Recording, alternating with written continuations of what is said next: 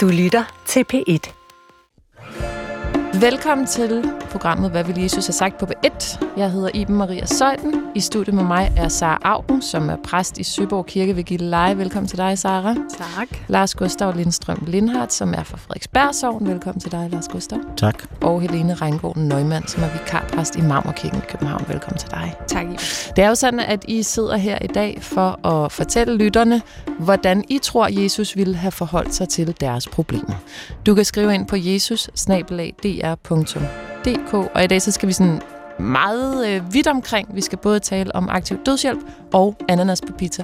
Så det, vi, man kan ligesom sige, vi spænder utrolig øh, bredt. Og tak fordi I har lyst til at deltage. I er jo øh, seniorer her i programmet alle sammen, øh, og alle sammen øh, nogle snakkeruder. Så øh, det kan godt være, at vi får travlt i dagens program. I sagde lige inden vi gik på, at I har fundet jeres faste pladser. Det har jeg aldrig tænkt over. I har faste pladser? Er det sådan, what? Det har jo ingen haft på arbejdsmarkedet siden folkeskolen, men det har præster, eller hvad? Altså, jeg, jeg, jeg prøver, tror, jeg tager en nål med næste gang, jeg kommer og broderer mit navn i den her stol. Men okay, man kan også sige, at hver søndag, så står I jo samme sted op ved alderet. Der er ikke nogen, der skal tage den plads. Nej, det vil være sådan lidt Ja. mærkværdigt, ikke? Det er der, man står. Ja. Ja. Der kan Det man bedst få sit. Ja. Jeg har et spørgsmål fra Karin, som har skrevet ind til jesus Jeg synes egentlig bare, vi skal starte der. Kære præster, hvordan kan to menneskers store kærlighed til hinanden også samtidig være fyldt med konflikter? Tak for det spørgsmål, Karin. Jeg har aldrig tænkt over det på den måde, men det er jo faktisk et godt spørgsmål. Hvorfor, hvis kærligheden er stor, er den også svær? Sara Augen. Den jordiske kærlighed er ikke perfekt, men den er dog guddommelig. Sådan tror jeg, jeg vil starte med at sige. Og det er jo et konfliktspørgsmål. Man kan jo sige, at i vores, øh, vores mellemmenneskelige relationer, så har vi jo mange problemer, og der er jo altid utrolig mange konflikter. Når vi t- kigger i det nye testamente, så kan vi jo også se, at når Paulus, som er jo en flittig brevskriver til alle menighederne, så taler han jo allermest om folks konflikter med hinanden, hvor han opfordrer dem til ikke at, øh, at gøre forskellige ting. Jeg kunne godt tænke mig lige altså, læse lidt om, hvad han siger. Hvad at de Paulus skal, siger ja, hvad om Paulus, konflikt. Hvad, hvad Paulus siger, hvad de skal holde op med. Mm. Det er til en menighed i Kolossenserbrevet. Og det, der er det sjove at lægge mærke til, det er, at lige efter, så kommer det stykke, som vi faktisk bruger hvilesesritualet, hvor vi taler om ikke en kønnet kærlighed, som ikke taler om, om kærlighed mellem mand og kvinde, men hvordan man skal opføre sig over for øh, medmenneskerne. Okay, så skal jeg bare lige forstå, at den passage, du læser nu, det er den, der kommer inden, Inden, den, vi ja. faktisk oftest bruger. Ja. Mm. Øhm, og han siger så, nu når I har mødt Kristus, så har I også fået muligheden for ligesom at være en del af et nyt liv, hvor I ligesom kan bruge det, I har fået, øh, til, til at, at være sammen med hinanden i kærlighed. Så derfor siger han så, så derfor, så nu skal I aflægge det gamle liv, det vil sige vrede, hissighed, ondskab, spot og skamløs snak i jeres mund, Lyv ikke for hinanden, for I har jo aflagt det gamle menneske med det skærninger, I- og ifører det nye. Men han taler jo simpelthen om, hvordan altså, øh, bagtaleri, snak og den der med at udlevere hinanden simpelthen er øh, et, altså, er en realitet i, Mm. øh, i, øh, i den her menighed. Øh, og det vil sige, det er jo et almindeligt menneskeligt træk. Så det, han siger, er, det er sådan her, vi er som mennesker. Det ved han, det ser han, og når man går ind i en kærlighedsrelation, eller hvad, så, så skal man starte man, den frisk. man skal jo prøve, man skal simpelthen, man siger, man har jo fået Kristus med sig, og så det næste, og det, jeg synes, det er værd at lige gentage. Øh, nu, da I er Guds udvalgte, hellige og elskede, altså det er det, han kalder de mennesker, altså dem, der, der har valgt at, at, at iføre sig Kristus, og det vil sige, når vi står foran et brudepar, så er det jo dem, der er Guds udvalgte. Det er dem, der er de hellige udvalgte. Det vil sige, vi som mennesker, vi er faktisk udvalgte og elskede. Så siger han, så skal I iføre jer inderlig barmhjertighed, godhed, ydmyghed, mildhed, tålmodigheden. Tålmodighed. Bær over med hinanden og tilgiv hinanden, hvis den ene har noget at bebrejde hinanden. Som Herren tilgav jer, skal også I gøre. Men over alt dette skal I iføre jer kærligheden, som er fuldkommenhedens bånd. Og så kan man sige, det er jo fantastisk, men mm. det er jo også øh, på mange måder uopnåeligt, for det er jo guddommeligt. Ja, altså jeg tror, den klassikeren er, at man kræver det af partneren, man ikke selv kan leve op til det. Og for, også godt forstår, hvorfor man ikke selv dog kan. Altså det, Sara læste, var, er jo en del af hvilesesritualet. Så Ja. ja. bare lige er vigtigt at Ja. sige. Det er jo det, vi læser hver gang, der er Ja. til Og kirken. der kan man sige, der er mennesket, som vi er flest, og så er der det, vi prøver at være, når vi vælger at gå ind i for eksempel en kærlighedsrelation. Præcis. Men det er en målsætning, det er en vision, det er ikke noget, vi bare går ind og kan. Lars Gustav? Det er nemlig det. Altså, når Jesus snakker om kærlighed, det er også den måde, som Paulus skriver om kærlighed, så er det jo ikke en følelse, det er en vilje. Ikke? Mm. Det er, jeg vil dig godt. Og, og så kommer der en masse følelser ud af det. Det vil sige, at når det så går der skidt, så bliver jeg ked af det. Når det så går der godt, så bliver jeg glad på dine vegne. Ikke? Det er det, kærlighed er. Det er altså ikke en følelse, men det kan få os til at føle alle følelserne. Så det er en vilje. Og der er det jo ikke, altså når man ser det på den måde, så er det ikke så mærkeligt, at vi har konflikter, fordi at vi, det er de færreste mennesker, som kun har én vilje. Mm. Det kan godt være, at vi har en vilje af gang, eller er en vilje på overfladen, men de fleste af os har mange forskellige viljer i os, som trækker i os. Ikke? Lige nu så sidder jeg og tænker, mm, det kunne egentlig være lækkert at få en, hvad det hedder, en, øh, en pizza med øh, ananas, fordi det er det, vi mm, skal snakke det, om senere. Ikke? om, ja. Og så er en anden vilje, der sidder, men prøv, jeg prøver også lige at tabe mig 10 kilo, så det vil måske, det er en dårlig idé. Ikke? Så det er to viljer i mig, der eksisterer lige nu, og trækker i hver sin retning, så må vi se, Som du faktisk sidder og kæmper med. Præcis, ikke? Og så, og så kan jeg næsten allerede nu, fordi jeg kender mine viljer og kender mig selv, så ved jeg nok, at, at jeg ender med at spise pizzaen og ender med at skamme mig over det bagefter. Mm. Ikke? Så får de begge to lidt, øh, de to viljer der. Og sådan er det jo også i et parforhold. Det kan godt være, at jeg, jeg elsker min kone. Det er en vilje, jeg har. Jeg vil hende godt. Jeg vil hende det allerbedste. Så kan man sige, desværre, mm. fordi jeg er et menneske, fordi jeg ikke er perfekt, så vil jeg også en masse andre ting. Jeg vil for eksempel gerne anerkendes, jeg vil gerne høres, jeg vil gerne have, at mine behov prioriteres højere end alle andres. Ikke? Så det vil i virkeligheden sige, at kærligheden består af de to bestanddele. Det er, er der har Søren Kierkegaard sagt, at kærlighed er at ville et? Er, det, er der ikke, har han ikke sagt Hjertets renhed er at ville Ville et. Ja. noget? Men altså, det, Øh, kan man, det kan man så ikke altid. ja, jeg får lyst til at sige noget andet. Ja. For jeg synes faktisk, det er genialt at tage fat i det. Jeg havde også tænkt med det samme selvfølgelig på det her sted, øh, Paulus skriver her, som du læste sig. Men der er noget andet, der er interessant. Fordi vi ved kærlighed, og vi tror på, at kærlighed er i grunden. Hun elsker det her andet menneske, og kan ikke forstå de her konflikter. Og der må man jo bare sige, at der er nogle ting i det her menneskeliv, der er mysterier. Kærligheden er et mysterie, døden er et mysterie, der er nogle ting, vi ikke kan vide noget om. Og det er også personligheden. Og det, der er så unikt ved at være menneske, er jo, at vi er alle sammen forskellige. Der er ikke et menneske, der er ens. Og derfor vil der unægteligt, når to mennesker sættes sammen, være ting, man opfatter forskelligt. Så det har simpelthen også noget at gøre med, at vi er individuelle væsener, og vi har svært ved at se ud over vores egen næse. Derfor opstår der konflikt, og det er også smukt. Det giver også god mening. Jeg husker, at jeg engang har set en terapeut tegne et nital, som fra den ene side af papiret ligner et nital, og fra den anden ligner et sekstal. Ja, ja. Og sådan vil det altid være i alle relationer. Men det, du siger i virkeligheden, Sara, det er også, at det er en fuldstændig Jeg, jeg, jeg kommer til at grine, for jeg, jeg råbte i går til min mand, du ser et nital, jeg ser et sekstal. Nej. Det er åbenbart bare sådan en klassiker inden for part alle parterapeuter, der tænker Men- boksen. men- jeg har aldrig hørt det før. Men nital. så, så, så skreg vi jo bare begge to og grin, og sådan, om skulle vi prøve på at finde ud af, om, om vi kan finde, finde, finde det samme, samme billede, ikke? Jo, altså. det samme tal. Men det, du i virkeligheden siger, at Paulus sagde, det er, kærlighed har altid været sådan. Kærlighed har altid rummet begge dele, både viljen og den rene vilje, den rene gode mm. hensigt, og så Ja. samtidig noget i en selv, der vil noget andet. Mellemmenneskelige relationer har altid altså rummet det her, det problematiske. Der er en anden ting, fordi, som jeg godt kunne tænke mig lige følge op på det, som Lars Gustav siger om det der med viljen.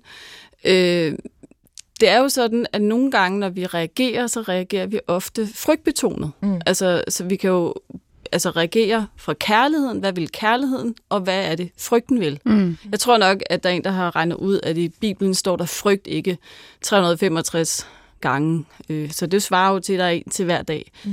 Men nogle gange, når frygten vælger noget, så er det jo tit, fordi vi bærer på nogle gamle traumer, eller noget, altså mm. nogle gamle sorg i os, som ikke er blevet helet, eller som på en eller anden måde er ufuldstændige. Så derfor er det jo så, at man tordner frem, og det er jo sådan en form for en beskyttelsesmekanisme, som prøver på at beskytte en del i, for ikke at blive såret igen, for ikke at stå med øh, opvasken for 117. gang, som, som bare er træt. Og så er der jo så kærligheden, der kan vælge at sige, vi bliver nødt til at tage den her snak om det, og vi bliver nødt til at tage den her, altså måske en, en langsigtet plan, ikke? Altså, hvad vælger kærligheden, vi, vi, vi vil den her mm. gang? Og er det noget med, at det, det er nu, jeg skal bære over? Er det nu, at jeg skal prøve at fælde tilgivelsen frem, hvor frygten kan sige, det er nu og her, det handler om? Ikke? Ja, og, og så er der jo et helt moderne i talsættelse, som handler om at sætte grænser. Jeg vil bare nødt sige lige til slut, fordi vi har mange ting, vi skal nå. Så hvad vil Jesus sige til Kain? Hvordan kan to menneskers store kærlighed til hinanden også samtidig være fyldt med konflikter? Hvordan kan den det? Hvad vil han forklare ja. det med? Han vil sige, at kærligheden er ikke fyldt med konflikter. Jeres parforhold er fyldt med konflikter. Mm, præcis. Kærligheden er ren, så, vælg, så, så læn jeg ind i kærligheden, hver gang I møder konflikten, ja. og så vil I til sidst løbe tør for konflikter. Spændende skæld. Ja. Parforholdet er fyldt af konflikter. Ja, og se på det som det her. Kærligheden er fuldkommenhedens bånd, mm-hmm. og vi kommer ikke med hele kærligheden selv. Men frygten er der jo stadigvæk, og den er en del af os. Men vi skal ikke frygte. Vi skal læne os ind i kærligheden. Og hver dag er der et frygt ikke. Mm. det er bare så svært. det er bare så svært.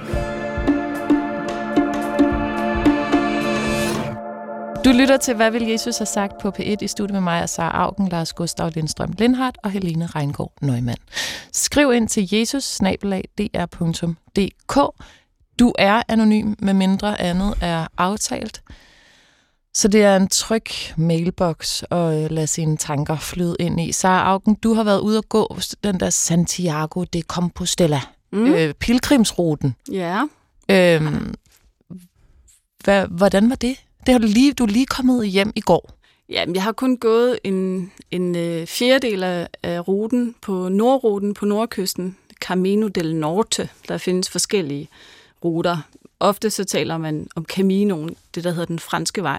Men man kan sige, at Caminoen begynder jo, eller vejen, som det betyder på spansk, den begynder jo for din hoveddør. Og så må du bare gå afsted til Santiago. Men jeg valgte så altså, at tage en lille etape. Og hvordan var det? Det var vildt hårdt. øh, og helt vildt fantastisk. Øh, når du går, så kan du ikke undgå at komme ind i sådan en form for meditativ tilstand. Øh, og du bliver nødt til at forholde dig til så mange ting, altså meget jordnære ting. Dine fødder, altså din væske, din sult, din søvn. Altså helt basale ting, man har brug for mennesker som for, for at leve og overleve. Og så er der jo selvfølgelig også det mellemmenneskelige. Hvad gør vi med de mennesker, øh, vi møder, og hvordan agerer vi i forhold til dem?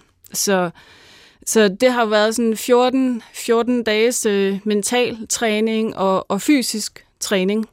Øh, og det har bare det har bare været rigtig, rigtig dejligt. Hvad var dit formål med at tage afsted?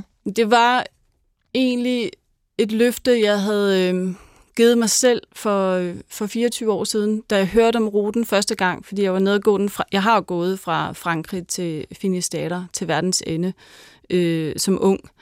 Øh, og der hørte jeg om ruten første gang, og så tænkte jeg bare, at det var sådan et løfte til mig selv, jeg, vil, jeg gav mig, at jeg ville gerne gå derned.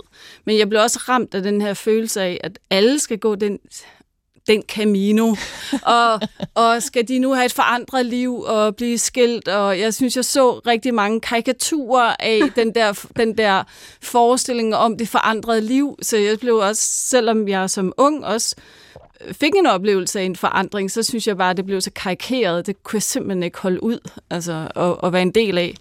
Og så øh, da jeg havde muligheden for at kunne samle ferie sammen, og mine børn var så store, at det var muligt at tage sted frem, så kunne jeg bare mærke, at jeg blev nødt til at prøve det af. Jeg kunne mærke den der længsel efter at, at, at holde et løfte til mig selv. Mm. Jeg tænker, at det nemmeste måde at komme ud af det på, det var faktisk ved at forsøge. Okay, så det, var, det vigtigste for dig var at, at holde det, du havde lovet over for en 23-årig sang? Ja, altså prøve på at være, være tro over noget af det, og man kan jo sige, det er jo ikke altid når man giver sig selv løfter, eller, eller at det jo ikke altid, så må man sige, at livet ændrer sig, livet mm. drejer sig en anden vej, og så leve med det. Men her var det faktisk muligt mm. at prøve det, så jeg havde faktisk ikke en, en, øh, en dato på min hjemkomst.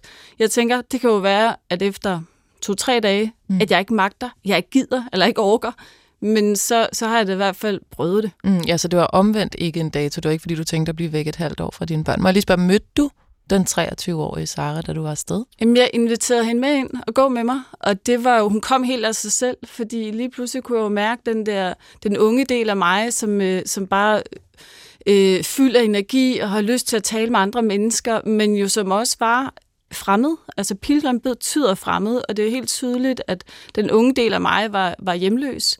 Jeg havde ikke et øh, kærligt fundament, jeg gik ud fra, eller var sådan til faldet på plads i mig selv. Og at kunne møde den unge del med den omsorg, som jeg har nu, fordi jeg har et, et virkelig trygt og stærkt øh, fundament, det var jo også en gave at få lov til at kunne dele det med hende. Og så var det jo sjovt også at opleve, at, øh, at der er noget, jeg har til fælles med den unge del af mig. For eksempel det der med at kunne mærke den fysiske styrke, og så bare gå alt for langt på dag to, så var det sådan noget 32 kilometer. Fordi det var 23 år Sara, der, nej, der nej, gik for nej, nej. Bliver du ved? Ja. Skal vi blive ved med at gå? Ja. Så jeg sådan nærmest kollapsede. Ikke? Og så, men at kunne møde dem med sådan kærligt og omsorgsfuldt, og bare sådan, okay, tag for hvad det er. Det var nu skal jeg en der kom dag. med. Må jeg lige spørge, uh, Lars Gustav og Helene, jeg hørte faktisk uh, fra en præst, jeg interviewede, at hun havde været på sådan noget kursus i selvomsorg, hvilket jo selvfølgelig gav mening, fordi man jo sidder og har sjælesorgssamtaler og er jo noget Mm. for andre. Så kan det godt være, at man ligesom bare er mellemmand for, for Gud, eller hvad man nu tænker, man er. Eller sådan. Men, men er det ikke også egentlig vigtigt som præst at være i trit med sig selv? Øh, det synes jeg i hvert fald virkelig, det er. Altså, øh, Måns Lindhardt har jo engang sagt det her fantastiske, den her gode definition af, hvad sjælesorg er. Hvem er Måns Lindhardt? Måns Lindhardt er tidligere rektor for Yes. pastoralseminaret og Lars Gustavs onkel. Nå, Ja. hej. Øh, Ja. farbror. Øh, jamen, det er så smukt. Det er, hvad er sjælesorg? Mm. Sjælesorg er den for tiden stærke, der hjælper den for tiden svage. Mm. Og du kan ikke hjælpe den for tiden svage, hvis du også selv er svag. Altså, det kan du måske godt, men det er en fordel, mm. at du går ind i rummet med et vist overskud. Øh, så jeg synes faktisk, det er afsindigt vigtigt, at man som præst eller sjælesørger står et nogenlunde sikkert sted, for så har du trods alt lidt mere at give af. Og hvad jeg vil, gør man jeg så? Vil, jeg vil kalde det åndelig egenomsorg. Åndelig? Mm. Altså, det er jo sådan, også en måde på at Ja. få lov til at... Altså, så det ikke kun handler om selvet, men det handler jo om det, som vi lever af. Ikke? Jo, men det er jo også helt konkret. Ja. Du, hvis du står foran en kiste, og du skal bisætte et menneske, know. Ja. og du ikke selv har Mm. den styrke til at Mm. kunne forestå det. Ja, Så så er det svært. noget Til- power ja. til at foretage Øh. et ritual på den bedste måde. Hvordan Ja. gør man så? Er du enig i det i øvrigt, Lars Gustav? Ja, ja, ja, altså, ja, altså der er mange fi- fine metaforer for det, ikke? men altså, hvis, hvis du har en bil, som øh, du bruger til at køre folk øh, øh, over øh, et sted, hvor de skal være, ikke? så er du mm. så også nødt til at vedligeholde den bil, for ellers kan du ikke blive ved med at gøre det. Mm. Det er sådan Mm. helt Mm. banalt, at du er nødt til at passe på dig selv, for ellers kan du ikke være noget for andre. Og hvordan gør man det som præst? Altså, øh, jeg synes, den nemmeste måde, at øh, jeg har fundet det, det er at sørge. Øh, Det er at være ked af det, øh, fordi øh, de fleste af de situationer, som jeg, i, som jeg er svære, øh, det er situationer, som jeg ikke kan gøre noget ved, Mm. øh, som der faktisk ikke er nogen, der gør noget ved. Øhm, og det gør mig ked af det. Og øh, der har jeg øh, erfaret, at hvis jeg øh, beder øh, eller mediterer, øh, så øh, har jeg mulighed for at være ked af det, uden at forsøge at gøre noget ved det. Altså min, min, mm. Mm. min umiddelbare reaktion, min, ins- mit instinkt, det er at forsøge at løse det, der gør mig ked af det. Og hvis jeg ikke kan løse det, så undertrykke følelsen øh, med noget andet. Mm. Altså blive vred, eller øh, spise en pizza, eller øh, se noget YouTube, eller et eller andet andet, Mm. og så ligesom så glemme, at jeg er ked af det. Og det er, ikke så, det er ikke så godt for mig, kan jeg mærke. Det er på oversigt, så ender det med at køre mig ned. Mm. Så øh, det, jeg så øver mig i, det er at sidde og prøve at mærke, at jeg er ked af det. Og tillade mig selv at være ked af det. Øh, fordi det for det første minder mig om, at det at være ked af det, det behøver jeg ikke være ked af. Det, Mm. Jeg kan faktisk være glad for at være ked af det, hvis det, jeg er ked af, det er ved at være ked af. Mm. Så kan jeg være glad og ked af det på samme tid. Det er rart at kunne være det. Øh, for det andet, fordi det minder mig om ret afgørende, at jeg i sidste ende ikke har kontrol over noget som helst. Mm. Og det er vigtigt for mig at huske, fordi næsten al den lidelse, som jeg udsætter mig selv for, og også en, mange, meget af mine omgivelser, når, når det sker, øh, det udspringer af øh, mit behov for at kontrollere, eller få styr på, eller få ret, eller få Mm. min vilje, som alle sammen sådan er forskellige formuleringer af den der grundlæggende misforståelse, som jeg går med, at jeg tror, jeg kan bestemme noget som helst. Mm. Det giver mening, men er det ikke også sådan, at man skal sørge for at være i øjenhøjde med dem, der kommer i kirken? Er det ikke også en måde at holde sig selv menneskelig på, og tillade sin egen sorg, eller ligesom... Absolut, vil jeg da i hvert fald sige. Altså, og det du siger der med at, at give dig selv lov til at være ked af det, Lars Gustav. Altså, der er jo for eksempel sådan en udbredt misforståelse, at når folk møder andre i sorg, så fordi vi har et stort hjerte alle sammen, og får lyst til at hjælpe, så er det Mm. første, man gør, det er, altså, øh, altså, det der kan være et problem, er, at man har fået lyst til at sige, det og det og det skal nok blive bedre, mm. eller øh, det her kan du gøre for dig selv for at kunne komme overens med sorgen, eller et eller andet. Og det vil jeg egentlig mene er den største fejl. Mm. Vi bliver nødt til at give os selv lov til at være i det, og lade være med at føle, at det måske skal blive bedre. Mm. Ja, at, Og derfor skal vi også ja, at stå i afmagten, og bare øve sig i at stå ja. det sted, hvor der ikke er magt. Mm.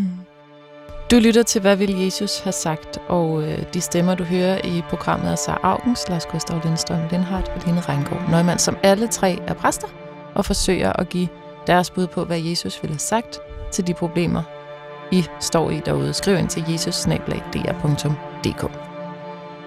Og nu har vi fået en øh, mail fra en, jeg tror hun på en eller anden måde arbejder i sundhedsvæsenet.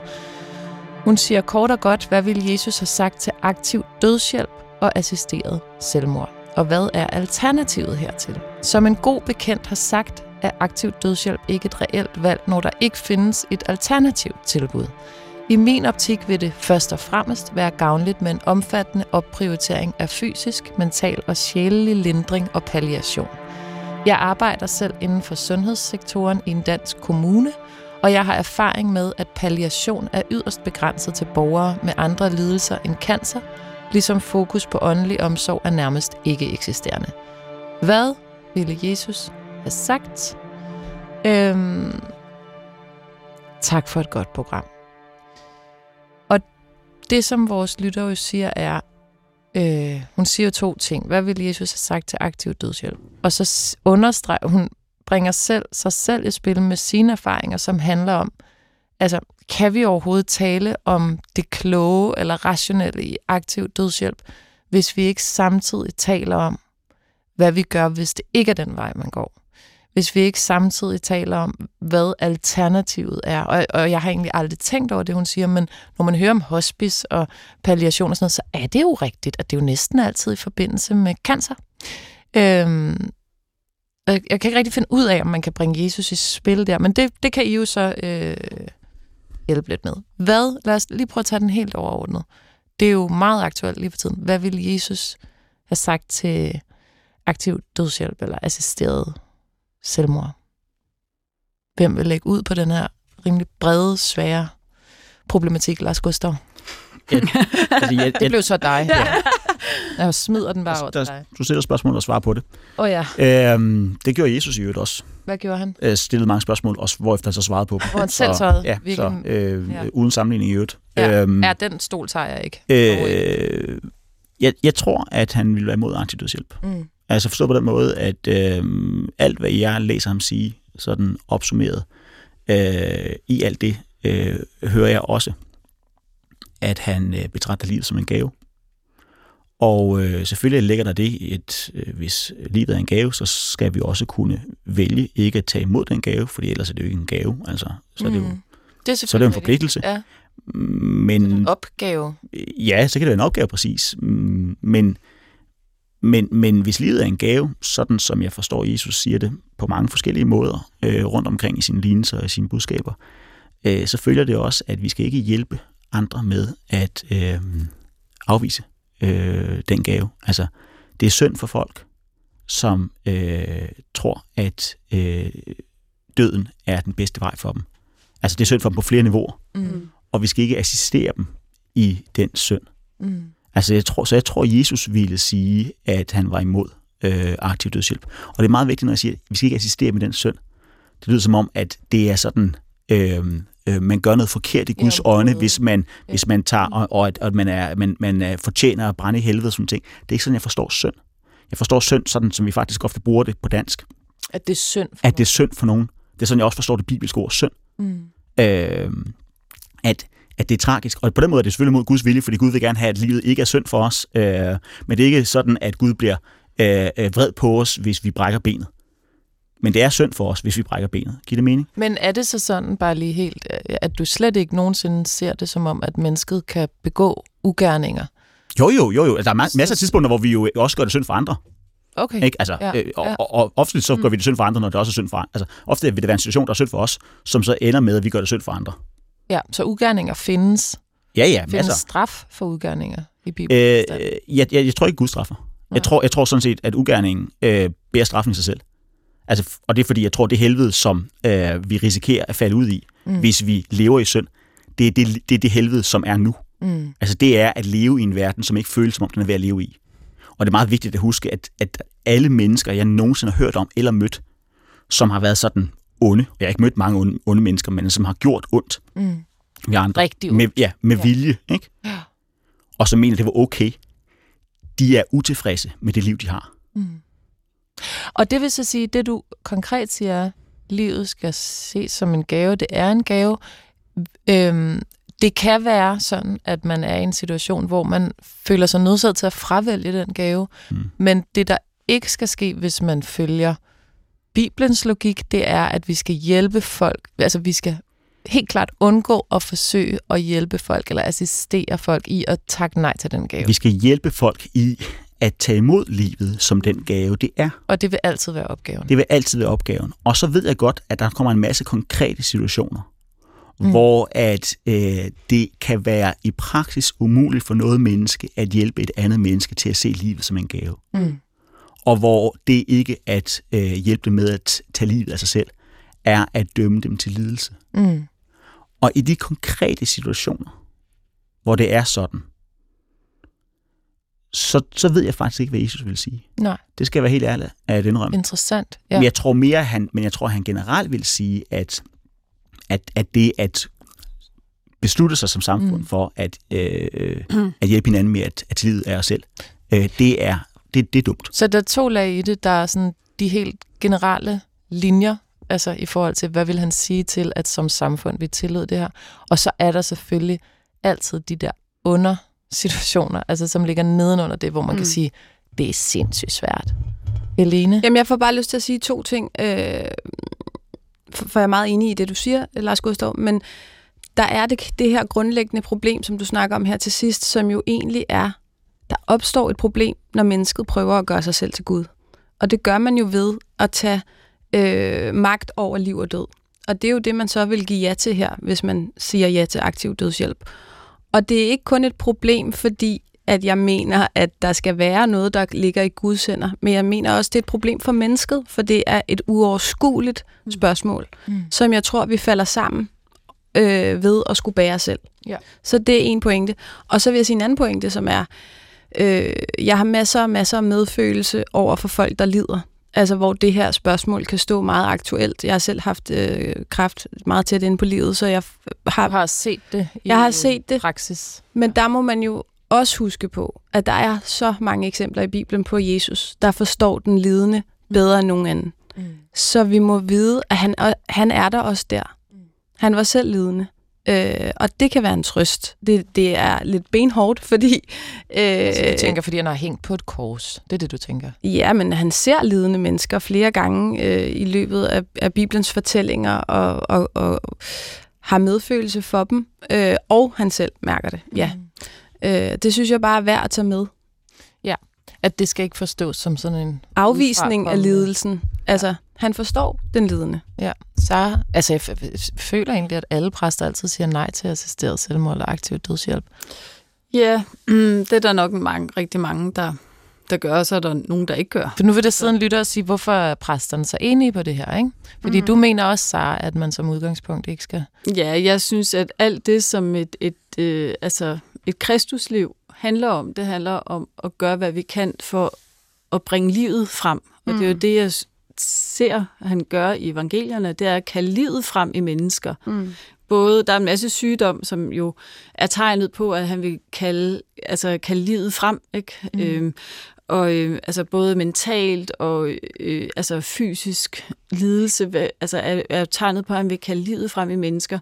Men det er jo sjovt, at det altid handler om den her aktiv dødshjælp, fordi det, som, som lytteren taler om, det er jo faktisk om det, vi kalder passiv dødshjælp, Mm. som netop handler om at lindre, mm. som handler om at Ja, det er Og det, hun taler om som alternativ. Ja, ikke? som et alternativ ja. for, at, at det faktisk er muligt at, at, at være uden lidelse. Mm. Øh, og det synes jeg, der, der er et eller andet enormt fint i. Altså, at, at øh, man kan gøre, hvad, vi gør, hvad vi kan for, at, at livet kan, kan, kan blive fint, også det, det den sidste tid.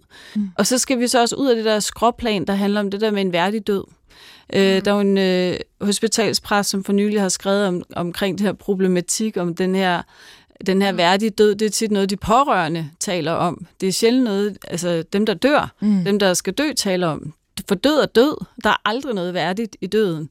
Så handler det om, om vi er bange for kropsvæsker, eller uro, eller et eller andet, fordi vi ikke rigtig ser så mange døde mennesker i vores liv. Øh, hvilket er jo godt, fordi vi omgiver os med livet. Det er jo en god pointe, det der med, at døden er jo et kæmpe kontroltab. Altså ja, det største nogensinde. Det, det er så det jo. Kan jo ikke... så så, så der, kan aldrig, der kan aldrig være, være... Altså det er aldrig værdigt, og det er jo det, øh, Jesus hele tiden taler imod. Det er jo netop fordi, at døden ikke er det, der er, er svaret, men det er livet, der er svaret. Mm. Altså, øh, den er der, men, men det er livet, vi skal bringe men, frem. Men det kan jo godt virke kontraintuitivt, at man kan hjælpe folk derhen, hvor de kan afslutte deres liv, og så vælger ikke at gøre det. Altså det kan jo godt udefra set virke enormt stedigt på en eller anden måde, ikke?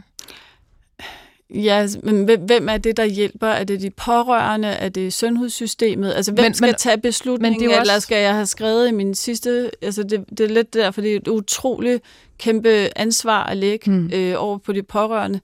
Altså, okay, og, men, og, men, men det kan jo blive en etisk diskussion, ikke? Altså, jo, det bliver altså, det meget hurtigt. Jeg har været, været for nylig har jeg også haft en på livet, hvor at, øh, at, at der var mulighed for måske en eventuel hjernedød, ikke? Mm. hvor at der var flere, der sagde, åh, jamen øh, tænk nu, hvis øh, vedkommende var blevet en grøntsag, det ville være forfærdeligt, hvor at de pårørende står og tænker, men det vil vi faktisk gerne have, vi vil faktisk mm. gerne bare have, mm. at vedkommende er i live. Mm. Men så bliver man så åbenbart stemplet som et dårligt menneske, fordi man faktisk ønsker livet. Så det, du siger, det, det reneste er ligesom at lade livet selv bestemme. Men jeg tænker også bare på, at nu siger vi så, hvad vil Jesus have sagt til det her? Og Jesus vil sige, at livet er en gave. Vi skal ikke hjælpe mm. folk til at afvise den gave.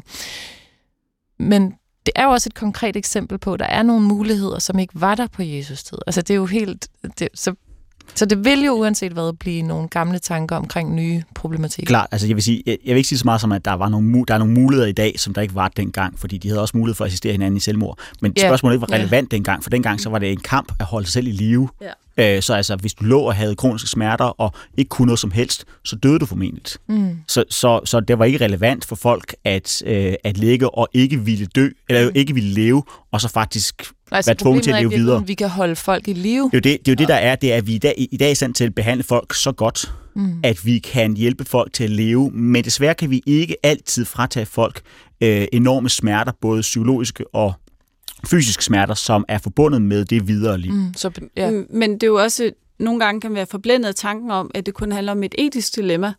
Nogle gange er det jo politik. Måske er det, altså, er det en øh, sundhedsstyrelsens kalkyle, at det vil være øh, mere altså, benefit, at der, at der er nogen, der ikke er der. Og altså, det kan vi det kan vi simpelthen ikke vide noget Det kan vi ikke vide, men, men, men det er jo sådan, altså på et tidspunkt, dengang, der, der mange blev øh, Altså, jeg satte mig lidt ind omkring med fosterdiagnostisk mm. ikke? Øh, jamen, du skal kun have lagt to år, et æg op ad gangen, altså ikke, vi fraråder... Når i forhold til fertilitetsbehandling? Ja, fertilitetsbehandling, ja. ikke to æg, fordi hvis det nu bliver tvillinger, så er der en øget risiko for komplikationer i mm. graviditeten, hvilket jo er faktuelt rigtigt, men der var simpelthen udregnet, hvad det vil koste samfundet. Mm. Så ikke hvad det handler om øh, øh, sorg, øh, for, for familien, eller den omsorg og, og, og, og usikkerhed og frygt, der ikke kan være kun forbundet. Det i hvert fald. Nej, ja. det, det var jo ikke med i, i de der overvejelser. Mm. Det handlede om økonomi. Det er i hvert fald et godt blik at have med sig videre i forhold til... Og, altså, og jeg Bare synes lige også, det med ind i, at, at det ikke kun handler om etik, det her. Og det er jo også værd at tage med, at der er så mange netop inden for jeres fag, der siger, at det, øh, det er øh, svært at se for sig på en rigtig god måde, det her med, at man skal kunne hjælpe øh, hinanden til den slags. Lars Gustav, kort? Ja. Jeg ved ikke, om jeg kan gøre det kort, Nej. men jeg skal gøre det øhm, jeg, jeg prøver. Ja. Nej, men, men det er bare for at kvalificere det der, hvad jeg mener, når jeg siger, at jeg tror, at Jesus mener, at livet er en gave. Mm. Altså, det jeg tror, at Jesus ville have, at vi skal lære, og det er det, jeg også tror, at han mener, Guds rige er, Mm. Det, altså det er det, sådan at livet er, når vi har lært det her. Det er, at der er forskel på smerte og på lidelse. Og det er muligt at have uendeligt ondt, og stadigvæk synes, at livet er værd at leve. Mm. Og det er også muligt ikke at have ondt, og ikke synes, at livet er værd at leve.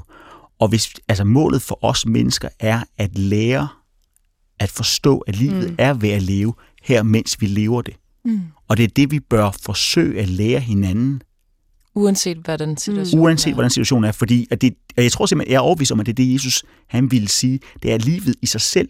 Det, der er lige nu. Ikke det, der ikke er. Ikke sammenlignet med det, der ikke er. Det, der er lige nu. Mm. Det er altid i sig selv, uden sammenligning, værd at sige tak for.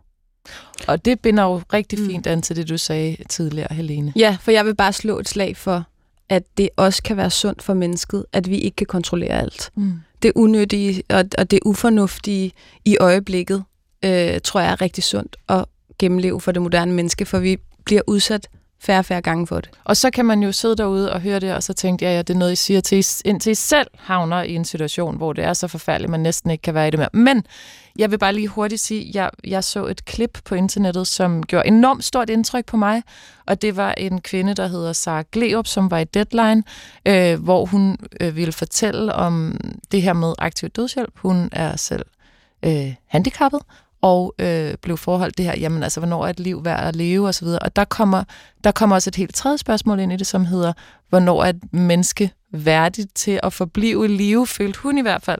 Hun siger sådan her, øh, hvis man synes, at hvis du, hvis du gerne vil dø, siger hun til studieverden, øh, Isa Mahmoud, skal have selvmordsforbyggelse, mens jeg, hvis jeg gerne vil dø, skal have mulighed for at få en sprøjte, så kommer man til at vurdere menneskeliv forskelligt på baggrund af handicap. Mm. Det er en god pointe. Og det Det er synes nemlig jeg bare... god pointe.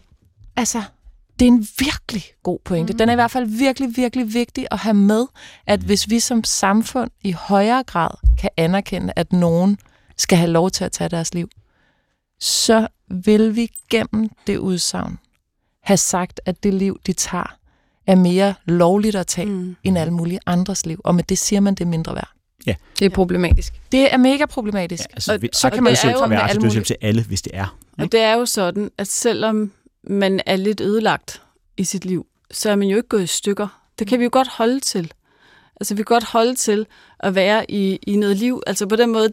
Og så skal jo- man så samtidig huske, at de programmer, som, hvor vi har set det andet, det er jo faktisk nogle folk, der... Altså, Preben der, som Anders Lund Madsen har lavet et dokumentarprogram, hvor han er fuldstændig lam fra halsen og ned. Det er meget hårdt. Det må være men, meget, men meget, det, meget. Men det er jeg helt enig med dig i, i, men jeg har også været handicaphjælper fra en, der kun kunne være altså, tykke og bevæge sine fingre, mm, som elskede sit liv. mm. Så, så du kan finde en, en case, du kan altid finde en vinkel, og du kan altid finde et menneske, du kan følge. Og sådan er det. Det er jo på den måde, at det jo også, handler det vel også om, om, om det her blik, vi Mm. mm. ser på det. Har I lagt mærke til studieværter altid i min situation siger, det kunne vi tale rigtig længe om.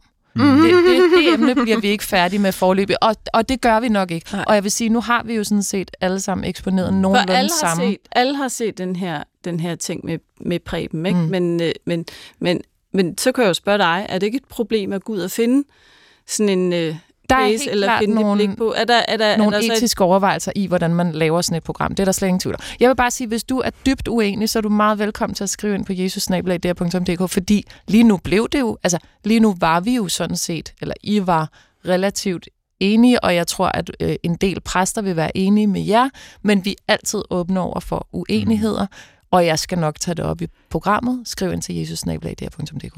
Må jeg sige en enkelt Ja, det, det bare må du. Du til er alle- her for Til det alle samme. dem, der, som du siger, sikkert sidder derude og tænker, hvad så, hvis I selv kommer til at stå i den situation? Mm. Mm. Så vil I gar- garanteret tænke anderledes. Der vil jeg sige, det kan godt være, I har ret. Mm. Det ved jeg ikke. Mm. Det er faktisk, det er faktisk godt, du Jeg, lige jeg siger. taler ud fra, hvor jeg står. Ja. Ja. Jeg kan, jeg kan ikke andet. Nej. Og I er nødt til at lytte til alt, hvad vi siger, med det i øjnene, altså med det i baghovedet, at, at øh, med øje for det, Ja. at, at øh, det er ikke sikkert, det er sikkert, vi er ret. Ja. Det kan godt være, at vi en dag sidder og kommer til at tænke tilbage på den her historie, Mm. den her situation, og tænke, hold kæft, for sagde noget, nogle dumme ting. Ja, god, god disclaimer.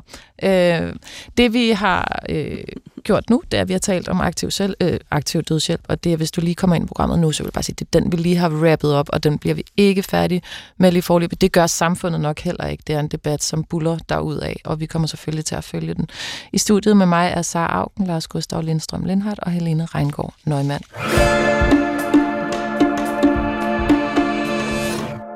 Okay, Vi skal have en mail fra en lytter, som står i et kærlighedsproblem, eller et øh, rigtig godt spørgsmål. Og den her mail fik mit hjerte faktisk. Kære Jesus og de altid skønne præster, i søndagens afsnit blev det sagt, at kærlighed er det eneste, man aldrig kan miste, miste ved at give væk. Mm.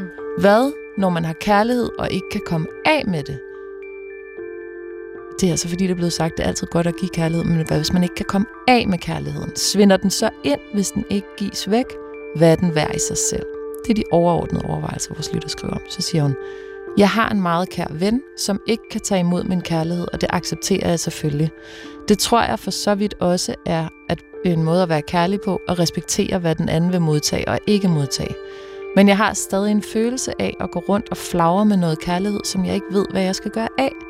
Jeg kunne forestille mig, at de sagde noget smukt og sandt og kirkegårdsk om, at der altid er en modtager derude, en næste, man kan vælge at gå ud og elske. Men Jesus, hvad skal jeg gøre med den her oplevelse af at bære rundt på en bunke kærlighed, som er labelt til en, der ikke kan tage imod den, skriver Anne. Hun har en kærlighed, som altså tilhører en anden. Så hun kan ikke bare gå ud og sige, jamen, øh, jeg kan da få et plejebarn, eller det, det er ikke det, hun vil. Den, der står et navn på den kærlighed, hun bærer med, og hun, mm. kan, bærer på, hun kan ikke komme af med den. Lars Gustav? Ja, øh, to ting. Den første, det er sådan en lille øh, præcisering. Jeg, jeg, jeg ved det jo ikke, men det, jeg tror, at kærlighed er ikke det eneste, som vi øh, kan give væk uden at miste. Øh, had kan vi også give væk uden at miste. Øh, vrede, øh, glæde. Der er mange ting, vi kan give væk uden at miste. Men kærlighed er en af dem. Mm. Det er den ene ting. Den anden ting. Øh, kærlighed har ikke noget navn den kærlighed, hun har til en, en anden, kan hun give til alle. Så når hun fortæller, at der er en anden, som har min kærlighed, jeg kan, jeg kan ikke give vedkommendes øh, den kærlighed, som jeg gerne ville give til vedkommende, og nu er min kærlighed derfor blevet hjemløs, så tror jeg ikke på, at det øh, er, at der taler om kærlighed, sådan som Jesus taler om kærlighed. Mm. Altså den der viljen til at den andens bedste. Jeg tror, at øh, der er tale om at have følelser for folk hvilket mm. er helt legitimt. Og så er svaret jo, så skal du være ked af det. Altså, så skal du mm. sørge over, at... Så er det en at, sorg. Ja, over, over, at den anden ikke vil tage imod din kærlighed, og dermed ikke vil give dig kærlighed igen. Øhm, men, men du har altid mulighed for at give kærlighed til alle, du møder. Og du har jo allerede givet kærlighed til den person. Hvorvidt vedkommende tager imod kærligheden nej, det er vedkommendes øh, øh, øh, problem. Det, du har givet kærligheden, så det der med, øh, kærligheden der gives væk, ja, den svinder ind, men det er ikke dit problem her. Mm. De problemer er ikke til lytteren her, at, øh, at din kærlighed svinder væk, fordi du ikke har nogen at give den til. Du har givet den. Også til den person, som ikke vil tage imod den. Mm. Dit problem er, at du er ked af, at du ikke har fået kærlighed igen. Mm. Og det kan jeg godt forstå. Og det er mm. sorg. Det er, det er sorg, og derfor skal mm. du sørge. Det er mm. kærlighedssorg. Mm. Mm. Men hvad, hvad sagde Jesus i forhold til... Altså, nu, nu har vi jo talt om kærlighed tidligere i den her udsendelse. Hvad er kærlighed så i sin reneste form? Ikke? Fordi, altså, er det, det er det, du siger, så er det nok ikke kærlighed på den måde, som Jesus talte om. Hvordan talte han så om kærlighed? Altså, det er åbenbart ikke en bunke, øh, bunke følelser, som man øh, kaster over på en anden. Det er ikke sådan den måde, Jesus taler om kærlighed. Hvad er det så for en måde, han taler om den på? Øh, du kigger på mig. Altså, jeg får bare lyst til... Vi må lige hive Kirkegaard ind her, ikke? Vi bliver nødt altså, til, det bliver vi simpelthen nødt til, fordi ja, han, ja. det bliver vi bare nødt til. Altså, han har skrevet et fuldstændig fundamentalt værk mm. om kærlighed, der hedder Kærlighedens Skærninger. Yeah. Kommer tilbage til Jesus. Mm. Øh, jeg får bare lige lyst til at sige sådan noget helt generelt om, vi må huske på i dette liv, der findes, du er også lidt inde på det, øh, Lars Gustav, men der findes den kærlighed, vi har til vores næste, som er den almene, store, guddommelige kærlighed, den vi ligesom, der, den kærlighed, der er i grunden, den vi går ud fra findes, og den vi tror på findes i alle. Sådan universel ja. haft på en eller anden måde. Og så er der den kærlighed, vi har til, altså når vi forelskes. Mm. Og Jesus var faktisk, som jeg forstår det, ikke så optaget af nummer to. Mm. Øh, vi ved ikke, om han var forelsket nogensinde. Øh, han havde øh, et tæt venskab med Maria Magdalena, for eksempel, som vi hører om, øh, som jo for eksempel var hende, der først så, at han var opstået. Mm. Øh, det synes jeg, vi godt kan lægge noget i. Øh, men det er ligesom den første ting, jeg får lyst til at sige. Der er to former for kærlighed. Øh, så får jeg lyst til at sige til lytteren helt konkret. Hvis man har læst Kærlighedens Gerninger, så forstår man en meget smuk proces, der går i gang, når vi taler om kærlighed til et andet menneske, øh, hvor Kierkegaard vil argumentere for, at du skal elske den anden således, at den anden kan stå selv for du kan få dig selv igen. Okay. Ja, det er lige den sidste del, der er lidt svært at forstå. Nej, det er fordi, der er en meningsfuld bevægelse i at elske. Mm. Øh, og derfor får jeg lyst til at sige til hende, det er aldrig fortabt. Altså, den kærlighed, du har til det menneske, er ikke fortabt. Der kan være medfølelse i forhold til, hvis den ikke bliver genkældt, og det er det, der er dit, øn, altså dit håb. Mm-hmm. Øh, og derfor så får jeg lyst til at stryge hende på håret og sige, det er sindssygt menneskeligt hårdt ikke at blive elsket af den, man ønsker at blive elsket af. Mm. Men det, det er ikke en kærlighed, der er fortabt. Mm. Øh, fordi der er noget meningsfuldt i at opleve den forelskelse. Men det er ikke den samme kærlighed, som når vi siger, at vi skal gå ud og elske vores næste, næste som os selv. Okay, jeg tror, jeg forstår. Der er, mm. Man kan ligesom, for at gøre det helt groft skitseret, dele kærligheden op i to. Den store kraft, naturkraften nærmest, og så er der den mellem hinanden. Det er nummer to, hun har gang i. Ja. Øh, og, og, og så skal hun selvfølgelig, og du siger, Lars Gustav, det er jo en kærlighedssorg, hun står i, og det har vi fuld forståelse for. Men der kan være den mening i det, at der er en mening i det, mm. uanset hvem den mening så kommer til gode, om det er vennen, eller om det er hende, eller om det bare i sig selv på en eller anden måde giver mening, at det er til stede. Øh, det er meget øh, abstrakt for hende, tænker jeg, når man står i den her situation og føler en hjemløs kærlighed. Men det er jo rigtigt, man siger jo sorg. Sorg er ofte kærlighed, der er hjemløs, ikke? Ja, jo. Ja. Og, og der Sarah. tænker jeg, den vil jeg godt lige øh, fortsætte med. Mm. Øh, omkring sorgen og altså det der det afmagtsfulde sted. Og der mm. tror jeg så, at det som Jesus vil sige til hende, det er, jamen du har stadigvæk en uangribelig værdi. Mm. Fordi tit, når man føler sig afvist, eller der er et eller andet, man ikke kan komme af med, så retter man det jo ofte indad. Mm. Når kærligheden lige pludselig stopper, eller der ikke er den bevægelse, eller det relationelle, så, så, så der har man jo en tendens til, altså, altså vender det tilbage som, øh, som skam. Mm, og mindre værd og dårlige mindre værd, ja, og, selv, og, og mulighed for, altså tanken om, at man ikke har plads i verden. Mm. Og der er du så, Jesus siger, jamen du har værdi stadigvæk, uanset hvad det er, du sender ud, som Helene siger, så, så har du stadigvæk værdi på den måde, at du er uangribelig. Øh, og jeg læste også et andet sted meget billede, fint billede om den der sorg, som jeg kom til at tænke på hende øh, omkring, man taler om kærligheden som, altså, eller som et det der træ, eller menneske som det der træ, ikke? Som, hvor fuglene, de, øh, de, de sætter sig i træet, øh, fordi det er der kærligheden finder hjem, ikke? og så vedkommende dør, det vil sige træet øh, bliver, bliver fældet, hvor skal fuglene sætte sig? Og hun taler jo om det her billede, om det der med, at det der, hun flakser mm. rundt mm. og bevægelig. Og hun har alle fuglene, bare, men ikke træet. Hun har alle fuglene, og de er der jo stadigvæk. Og de har jo stadigvæk deres plads, øh, kan man sige. Men, men, øh, men det er jo klart, det er jo et, et tomrum, der opstår. Og så vil jeg også sige... Hvad gør man så af fuglene, hvis træet er fældet? Ja, det er jo lidt det. de, vil stadigvæk, de, har jo stadigvæk en, de har jo stadigvæk en opgave, de må stadigvæk gerne være der. De har jo vinger. Man planter et nyt træ. Ja. Mm. Men det kan jo også godt være meget sådan... Øh, er, det, er det ikke sådan meget løsningsorienteret der? Fordi jeg jo, det kan jo være enig med det, og det kan også være, at der er små korn, der er blevet sået et andet sted, og noget andet kan dukke op. Mm. Men det, som jeg tænker, der er lidt interessant i det, det er jo også øh, netop netop det, hvad, hvad taler Jesus om, om kærlighed i det hele taget? For vi siger, at Gud er kærlighed. Mm. Og, og øh, altså, hvad er det for en slags kærlighed? Man deler nogle gange op i det græske, den græske måde at forstå kærlighed, som, som Helene egentlig også øh, sagde. Øh, Eros, Eros og agape. Og agape mm. ikke? Det var det, du egentlig oversatte. Ja, ja. Altså, hvor man tænker om Eros, det er den kærlighed, der, der, der, som vi kender i forelskelsen, og som vi kender i vores krop. Og så er der jo den videnskabelige. Ja, mm. den er jo virkelig, den, den vi kan læse om i Højsangen, som er jo et mm. dybt erotisk øh, brev i det gamle, eller, eller øh, mm. i det gamle testamente, som jo handler meget om... Uh, den skal om, vi lige have med en om, af dagene. Om, om kød. Ja. Mm. øh, og så er der jo så, så den her agape-kærlighed, om kærligheden mellem hinanden. Og som vi sagde lige før, øh, når vi taler om kærlighed, så er det jo oftest det, det mellemmenneskelige relationer. Og Jesus taler altså ikke mm. om kærlighed mm. mellem ægte folk. Mellem, Hvorfor er vielsesritualet overhovedet kommet ind i kirken, så hvis Jesus og Gud og Bibelen det, den det, rene det, det er jo også noget, som uh, Luther faktisk står lidt på bagbenene overfor.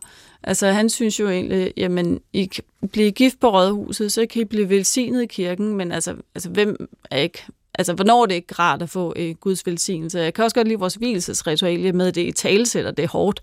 Mm. Altså, det, Præcis. der, er, der er et ritual omkring, det tager, tager lidt over en halv time, ikke? Og, og det bliver talesat, at et ægteskab, et liv med et andet menneske, Men det- er en hård omgang. Men hvilesesritualet, som det ser ud i dag, er vel også, som jeg husker det, der må I lige rette mig først, altså den romantiske del er jo Ja, først kommet ind i slutningen af præcis. 1800-tallet. Men det vil sige, i virkeligheden til den her lytter, der kunne man jo godt være, når hun siger, hvad skal jeg gøre den her kærlighed, eller hvad vil Jesus sige til den her klump af kærlighed, som er samlet, som ikke har nogen modtager, så vil man faktisk sige, mm, måske, altså, er det, og det er enormt provokerende sagt, men måske er det en opgave at se den som værende ikke så vigtig. Nej, det vil jeg ikke sige. Mm. Mm. Altså, jeg, jeg vil sige, du har værdi. Du er elsket. Selvom din kærlighed ikke bliver modtaget. Mm. Der er jo mange, der oplever det der. I Okay. skilsmisser. Hvad Ja. med forældre, der, der elsker deres børn, som ikke vil vide af dem? Der er så meget sorg. Så du er... ser i virkeligheden den her mail som handlende mere om, at man kommer til at angribe sig selv som person, når man ikke kan komme af med sin kærlighed. Ja. Det er det, den handler om for dig. Øh, jeg tror, at Jesus vil sige, ja, den anden kærlighed, Eros, den er ikke særlig vigtig. Mm. Du er vigtig, og derfor så er din sorg vigtig, mm. men, men de, den der Eros-kærlighed, og jeg forstår det, hvis man sådan skal oversætte det, så den måde, jeg plejer at forklare mine konfirmander det, og forklare mig selv det, så er det, at den ene kærlighed, det er den, der finder glæde i at give. Ikke? Det er der, mm. hvor at hvis jeg elsker mm. en kvinde, og hun så bliver lykkelig med en anden, så bliver jeg glad på hendes vegne, mm. selvom jeg er ked af det på min egne. Mm. Ikke? Det, det er kærligheden, der finder glæde i at give. Og så den anden kærlighed, Eros, den er kærlighed, der hedder, finder glæde i at få. Ikke? Mm. Det er den, som gør, at hvis hun så ikke elsker mig igen, så bliver jeg ked af det. Ikke? Ja. De fleste mennesker har til deres ægtefælde begge dele, og den ene er vigtig, og den anden er ikke særlig vigtig. Nej, men, Ja. Du og du er, er vigtig, hårdt. og din sorg er vigtig, Ja. men den anden er ikke særlig vigtig. Og, og det er ret afgørende. Hvis du vil have levet et liv, som føles som om det er ved at leve, Mm. så findes svaret i den første type af gabe. Den glæde, altså glæden ved andres Det glæde. giver kærlighed. Og man så kan der er sige kærlighed. helt kort, at Jesus han ophæver jo de her former lidt. Han har, han, der, er jo, der er jo for eksempel den her lignelse til, til slut øh, i evangelierne, øh, hvor at der er nogle disciple, der bliver vrede over, at øh, han bliver salvet, og der kommer Mm. fine olier på Mm. hans tær og alt det her. Ikke? Hvis man så den og skulle oversætte den i vores moderne lys, så kunne man jo også sige, at det kunne være sådan noget med folk, der vil have det dårligt over nogen, der netop øh, fokuserede alt for meget på en, fordi nu havde de kastet deres kærlighed på den Mm. person. Og der er han jo meget hurtig til at sige, stop, stop, stop. Mm. Hvorfor er det forkert? Hun gør en god gerning. Mm. Og Mhm. det, skal Og det være, det, der er må det man også godt. Men Okay. Jesus kender jo til det med at elske, og, ikke blive, og det ikke bliver modtaget. Og hvor er det? Altså, det er jo guddommeligt. Det er jo det, han gør. Han, Mm. han elsker os Mm. alle sammen. og går Men ud han blandt må da vide, og bliver hvordan, ikke set. Han, han, han må jo vel vide, hvordan det er. Men der er jo bare det problem, at det kan vi ikke sammenligne os med. Fordi vi er ikke Gud. Nej, men, Men- men, hvis man nu alligevel skulle gøre det, så, så kender Jesus også til den situation. Og han var jo i hvert fald ifølge fortællingerne et, et godt væsen, øh, uanset at hans kærlighed ikke blev modtaget. Jeg lærte i hvert fald noget nyt i forhold til det der med, at der er den universelle, og der er den jordiske kærlighed, og så er der Mm. give og få kærligheden. Mm. Det er også meget spændende. Der er give kærligheden og få kærligheden. Du kan skrive ind til jesus-dr.dk. Jeg håber, at den her lytter på en eller anden måde følte sig spejlet, selvom at der ikke er sådan decideret gode råd at hente i Bibelen. Meget Og det er jo ikke alle for ondt at kunne elske, mm. Mm. så tillykke til hende med, Ja. at det Ja. kan hun. Okay, god pointe. Vi er simpelthen nødt til at... Øh, jeg tror, jeg får rigtig mange mails nu, der handler om, at jeg afbryder men det er bare fordi, jeg får mange spørgsmål ind på den her mail, og jeg synes på en eller anden måde, det er en forpligtelse at nå flest muligt også, så folk føler sig hørt. Den her sidste mail er dog ikke sådan utrolig akut eller alvorlig. Der står ikke et menneske og har brug for nødvendigvis at høre jeres svar. Og dog, jeg kan se vores producer Christoffer, han tænker alligevel, det er måske meget rart at vide svaret på det her spørgsmål. Hvad ville Jesus sige til? Ja, Lars Gustav, du har jo været inde på det tidligere. Ananas på pizza. Er det noget, Jesus måtte have en holdning til det her med? Er der noget, der er finere end andet at spise? Er der noget, som man på en eller anden måde må sige, det skal ikke ind i en menneskemund? Hvad vil Jesus sige til det, Sara Augen? Det handler ikke om, hvad der kommer ind af munden, men hvad der kommer ud af den. Okay, det kan ikke gøres kortere, tænker jeg. Hvad siger I, Helene og Lars Gustav? Jeg tror, han vil være for, og det er fordi, Okay. at, øh, nej, men, nej, men, han siger, han siger afsted, at øh, Gud er god, øh, og deraf så slutter jeg så, at, at han er glad for alt, der er godt, og hvis man har smagt øh, ananas på pizza, så ved man, at det er godt. altså, så er Jesus nok også for ananas godt. på pizza. Men jeg synes bare, der er en, en problematik her, man godt kunne tage op, fordi når vi snakker om ananas på pizza i dag, så forbinder jeg det i hvert fald med en Hawaii-pizza. Mm-hmm. Det vil Mhm. sige en pizza med ananas og skinke. Okay. Ja. Men hvad er skinke? Det er svinekød. Ja. Spiste Jesus svinekød? Mm. Mm. Okay. Og hvorfor var svinekød urent og alt det her? Ja. Så det kunne man jo også snakke om, ikke? Og det bliver jo egentlig ophævet i hans tid. Eller i hvert fald lige efter hans Altså, tid. er, om man det, synes, at svinekød er godt eller skidt, eller? Jamen, altså, jøderne levede jo med øh, en del urene dyr, ikke? Mm. Mm. Altså, øh, altså dem, som blev betragtet som urene. Øh, Ja, De ville kun spise øh, dyr med kloge, der tykker drøv. Ja, sådan kan ja, du sige. det er, men det er meget besværligt. Så på den måde Men- var svinekød var et problematisk... Øh... Ja, men det bliver ophævet i apo- apostlenes gerninger, ikke? Ja, det blev, altså, det er jo, det er jo ny lov. Der er jo, mm. der er jo nyt, der er sat i stedet nu. Ja. Ja. Okay, men det er bare for lige at sige, altså selve ananasen, Mm. den er god. Øh, svinekød, det bliver vi nødt til lige at tage op på et andet tidspunkt så, fordi det er et appendix. Okay. Ja. Øh, men altså, Helene, jeg skal bare lige have altså, ananasen, hvis vi nu lige holder den. Øh, den tror jeg, han var helt med Det er på. helt hvis det, er frisk, var hvis det er frisk ananas, så kan det faktisk smage rigtig godt. Okay, Mm. og så som du siger, så det helt vigtige kommer også i, hvad gør du af din mund efterfølgende? hvad bruger du den til? Hvad går du ud og siger til mennesker, efter du har spist den her fam- famøse, famøse ananaspizza? Det er jo et kæmpe stridsområde. Ja. Okay, jamen altså, kom vi ikke lidt omkring det, synes jeg. Jeg er sådan helt forblæst. Mm. Øh, men der er vel ikke noget, der er for fjollet til Jesus, vel? Nej. Han Nej, var ikke mm. sådan, han var ikke sådan øh, munter stand-upper, men der er ikke noget, der er for nej, småt. nej, altså jeg tror, for... jeg, tror, jeg tror, han ville have taget sig, altså jeg tror, han ville have synes det var spild af hans tid, hvis det var øh, useriøst, useriøst. Mm. Men altså seriøst, useriøst. det er han Altså det, det tror jeg, han er Ja, med på. så Altså der, hvor vi, der hvor vi morer os for at more os. Ikke? Men, Ja, men ja. der, hvor han svarer omkring det her med, hvad der kommer ud af munden mm. og sådan noget, det er jo, så vidt jeg husker, det er jo også et sted, hvor de prøver at sige ham, må, må du godt vaske hænder? Hvad nu, hvis du ikke vasker hænder inden Mm. dit måltid? Ikke? Ja. Det er jo der, hvor han siger, jamen, hvad, I har været i gang i med alle de der regler. Altså, er det regler for reglernes skyld, eller er det livet for livets skyld? Ikke? Altså, vi skal finde ud af, hvad der er det vigtige hele tiden. Det er også det, vi prøver hver eneste uge i det her program. Hvad vil Jesus have sagt? Sara Augen, Lars Gustav Lindstrøm Lindhardt og Helene Reingård Nøgman. Tusind tak, fordi at I var med, og tak til Christoffer Rauf Heide, fordi han ville producere programmet. Jeg hedder Iben Maria Søjden. Tak, fordi du lyttede med.